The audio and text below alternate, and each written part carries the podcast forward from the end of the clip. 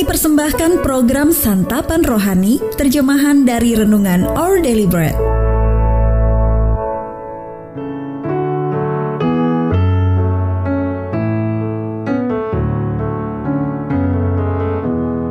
Sahabat ODB, pembacaan Alkitab hari ini terambil dari 2 Korintus pasal yang pertama ayat yang ke-12 sampai dengan ayat yang ke-16.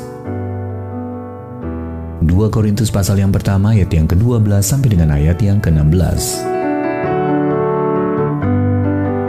Perubahan dalam rencana Paulus.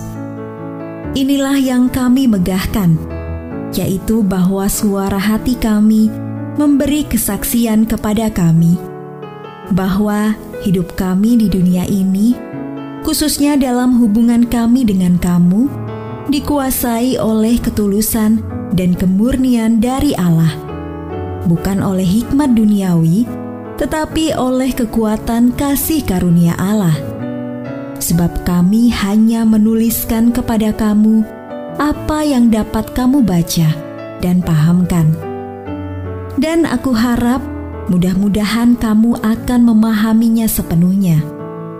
Seperti yang telah kamu pahamkan sebagiannya dari kami, yaitu bahwa pada hari Tuhan Yesus kamu akan bermegah atas kami, seperti kami juga akan bermegah atas kamu.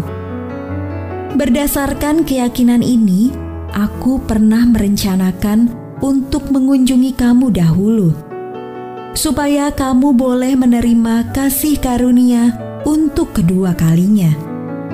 Kemudian, aku mau meneruskan perjalananku ke Makedonia.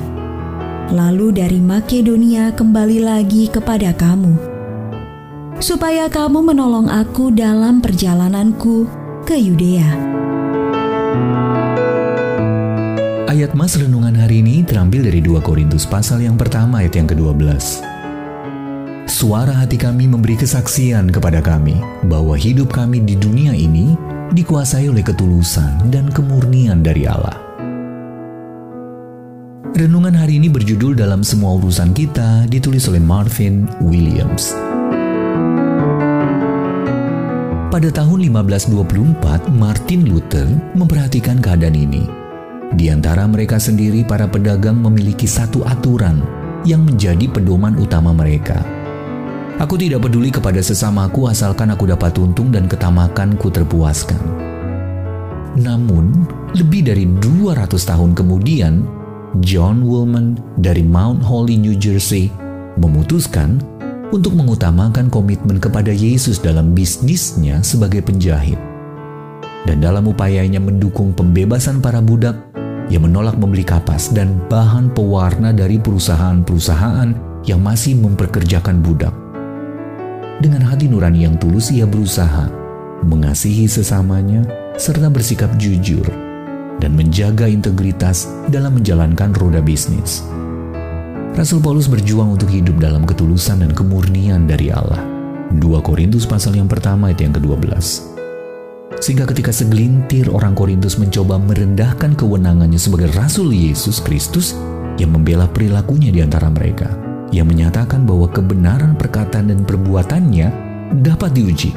Ayat 13. Paulus juga menunjukkan bahwa dalam pelayanannya ia sepenuhnya bergantung pada kekuatan kasih karunia Allah dan bukan pada dirinya sendiri. Ayat yang ke-12.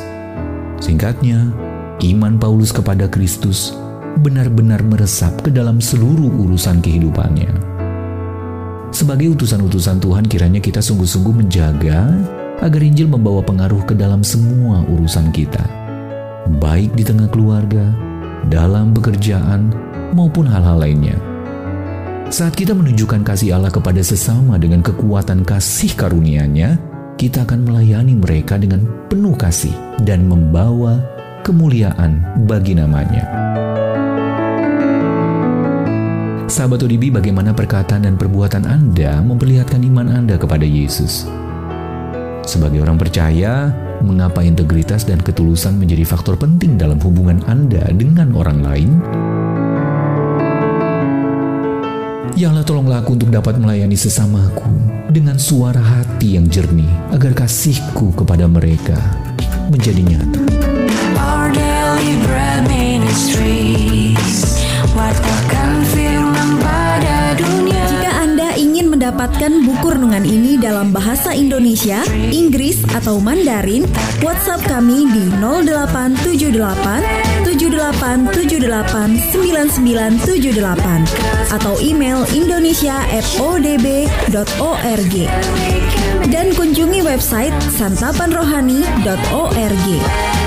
Persembahan kasih dari Anda memampukan All Deliberate Ministries menjangkau orang-orang agar diubahkan. Tuhan memberkati.